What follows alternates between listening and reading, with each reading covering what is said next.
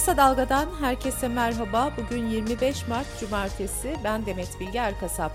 Gündemin öne çıkan gelişmelerinden derleyerek hazırladığımız Kısa Dalga bültene başlıyoruz. Seçimlere iki aydan az bir süre kalırken hazırlıklar sürüyor ve partiler de aday listelerini tamamlıyor. Yüksek Seçim Kurulu seçimlerde oy kullanacak seçmen sayısını açıkladı. Yurt içi seçmen sayısı 60 milyon 904 bin 499 kişi oldu.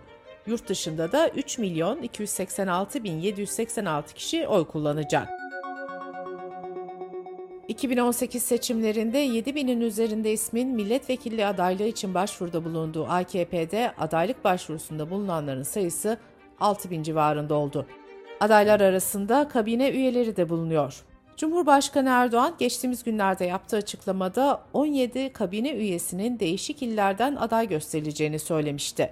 Cumhuriyet'ten Selda Güneysu'nun haberine göre İçişleri Bakanı Süleyman Soylu Maraş'tan, Sağlık Bakanı Fahrettin Koca Hatay'dan, Hazine ve Maliye Bakanı Nurettin Nebati Urfa'dan, Aile ve Sosyal Politikalar Bakanı Derya Yanık ise Osmaniye'den aday gösterilebilir. AKP'nin seçim işlerinden sorumlu Genel Başkan Yardımcısı Ali İhsan Yavuz da milletvekili adayı yapılacak bakanların seçim sürecinde istifa etmesine gerek olmadığını söyledi. AKP kaynaklarına göre Cumhurbaşkanı Erdoğan aday olmak isteyen bazı üst düzey bürokratların görevlerinde kalmalarını isteyerek adaylık vizesi vermedi. İyi Parti Genel Başkan Başdanışmanı Aytun Çıray ise YÖK'e bir dilekçe vererek Cumhurbaşkanı Erdoğan'ın diploma örneğinin kamuoyuyla paylaşılmasını istedi. Cumhuriyet Halk Partisi'ne ise birçok kamu görevlisinin de aralarında bulunduğu 3500'ün üzerinde aday adaylığı başvurusu yapıldı.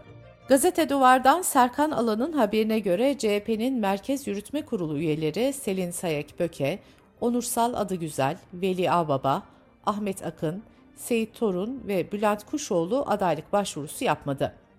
Gezi davası kapsamında tutuklu olan Tayfun Kahraman'ın da milletvekili adayı olarak gösterileceği öğrenildi.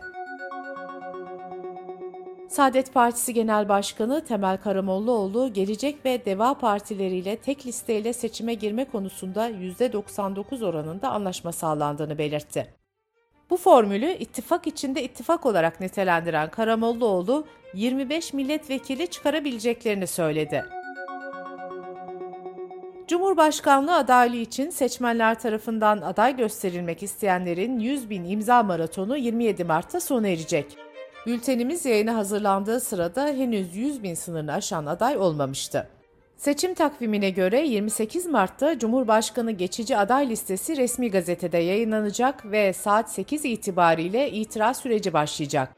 30 Mart'ta ise Cumhurbaşkanı geçici aday listesine yapılan itirazların YSK tarafından karara bağlanması süreci sona erecek. 31 Mart'ta ise Cumhurbaşkanı kesin aday listesi resmi gazetede yayımlanacak ve propaganda dönemi başlamış olacak. Milli Eğitim Bakanı Mahmut Özer, 45 bin yeni öğretmen ataması için ön başvuruların 27 Mart 1 Nisan tarihlerinde alınacağını ve atamaların 8 Mayıs'ta yapılacağını duyurdu. Türkiye'de hava kirliliğine ilişkin 15 sağlık, çevre ve iklim örgütünün oluşturduğu Temiz Hava Hakkı platformu, Türkiye'de hava kalitesini değerlendiren raporunun beşincisini açıkladı. Rapora göre Türkiye genelinde hava kirliliği Dünya Sağlık Örgütü kılavuz değerlerinin 4 katı. Depremden etkilenen kentlerde ise bu değerler 7,5 katına çıkıyor. Rapora göre 2021'de Türkiye genelinde en az 42 bin kişi hava kirliliğine bağlı hastalıklar nedeniyle yaşamını yitirdi.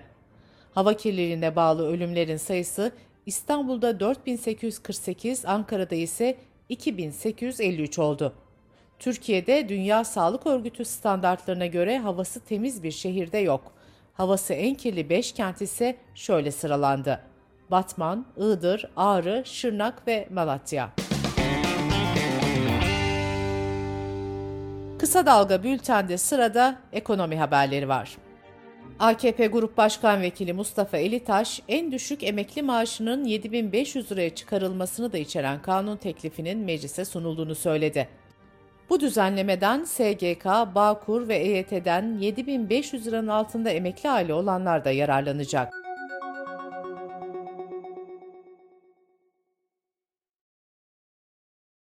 Sanayi ve Teknoloji Bakanı Mustafa Varank, 11 ilde depremzede işletmelere 1,5 milyon liraya kadar varan faizsiz kredi desteği sağlanacağını duyurdu. Anadolu Ajansı'nın haberine göre söz konusu program 30 bin kobiyi kapsayacak. Tarım kredi kooperatifleri marketlerinde Ramazan ayı boyunca temel gıda ve temizlik ürünlerinde fiyatlar sabitlendi. İyi Parti Genel Başkan Yardımcısı Bilge Yılmaz, T24'ten Cansu Çamlıbel'e yaptığı açıklamada Merkez Bankası'nın son dönemdeki adımlarını değerlendirdi. Yılmaz, Türkiye'nin dövizi bitiyor, devlet dövizi karneye bağlamaya doğru gidiyor, dedi. Türkiye Odalar ve Borsalar Birliği verilerine göre Şubat'ta 1178 şirket kapandı. Kapanan şirket sayısı Ocak ayına göre %24.8 azalırken bir önceki yılın aynı ayına göre %52 oranında arttı.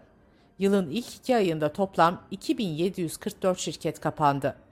Yıllık bazda kapanan kooperatif sayısı ise %42 oranında arttı. Tarım ve Orman Bakanlığı tarafından hazırlanan yeni yönetmeliğe göre nar ekşisine, nar suyuna ve nar suyu konsantresine su dışında başka bir gıda bileşeni eklenmeyecek. Piyasada nar ekşisi izlenimi veren sosların satışı da yasaklanacak. Dış politika ve dünyadan gelişmelerle bültenimize devam ediyoruz. Fransa'da emeklilik reformu karşıtı protestolarda olaylar çıktı. Sendikaların açıklamasına göre protestolara 3,5 milyon kişi katıldı. Bordo şehrinde protestocular belediye binası kapısını ateşe verdi. Fransa hükümeti emeklilik yaşının 64'e yükseltilmesini öngören tartışmalı yasayı geçirebilmek için anayasadaki özel bir maddeyi kullanarak meclisi devre dışı bırakmıştı. Bu arada Fransa İçişleri Bakanı gösterilerde 457 protestocunun gözaltına alındığını ve 441 güvenlik görevlisinin de yaralandığını duyurdu. Suriye'nin kuzeydoğusunda Amerikan askerlerinin bulunduğu koalisyon üssünü hedef alan SİHA saldırısının ardından ABD ordusu bölgede İran devrim muhafızlarına bağlı gruplara yönelik hava saldırıları düzenledi. Suriye'de Esad yönetimini destekleyen İran, Şam hükümetinin daveti üzerine ordunun Suriye'de bulunduğunu ve faaliyetlerinin askeri danışmanlıkla sınırlı olduğunu savunuyor. Finlandiya'nın NATO'ya üyeliğine ilişkin kanun teklifi Türkiye Büyük Millet Meclisi Dışişleri Komisyonu'nda kabul edildi. Komisyon, kanun teklifine ilişkin hazırlayacağı raporu genel kurula sunacak. Yasa teklifinin seçimlerden önce yasalaşması bekleniyor. İsveç ve Finlandiya, Rusya'nın Ukrayna'ya saldırmasından sonra NATO'ya üye olmak için başvurmuştu. Üyelik için 30 NATO ülkesinin de onayı gerekiyor. Türkiye ve Macaristan henüz bu başvuruları onaylamamıştı. Kur'an-ı Kerim yakma eylemlerinden sonra Türkiye, İsveç'in üyeliğini onaylamayacağını açıklarken Finlandiya'ya yeşil ışık yakmıştı. Uganda'da eşcinsel ilişkiyi suç kapsamına alıp LGBTİ artılara ölüm ve hapis cezası öngören yasa tasarısı meclisten geçmişti. Amerika, Uganda'ya ekonomik yaptırım uygulayabileceği uyarısında bulundu. ABD'nin Utah eyaletinde çocukların sosyal medya uygulamalarına üye olabilmeleri için ebeveyn izni şartı getirildi. Eyalet valisinin onayladığı yasayla ebeveynlere çocuklarının sosyal medya hesapları üzerinde tam yetki verildi. Ebeveynler çocuklarının mesajlarına ve paylaşımlarına da erişebilecek. Bültenimizi kısa dalgadan bir öneriyle bitiriyoruz. Gazeteci Yeşim Özdemir, Profesör Doktor Okan Tüysüz de olası Marmara depremini ve Türkiye'deki depremleri konuştu. Yeşim Özdemir'in söyleşisini kısa dalga.net adresimizden ve podcast platformlarından dinleyebilir, YouTube kanalımızdan izleyebilirsiniz. Gözünüz kulağınız bizde olsun. Kısa Dalga Medya.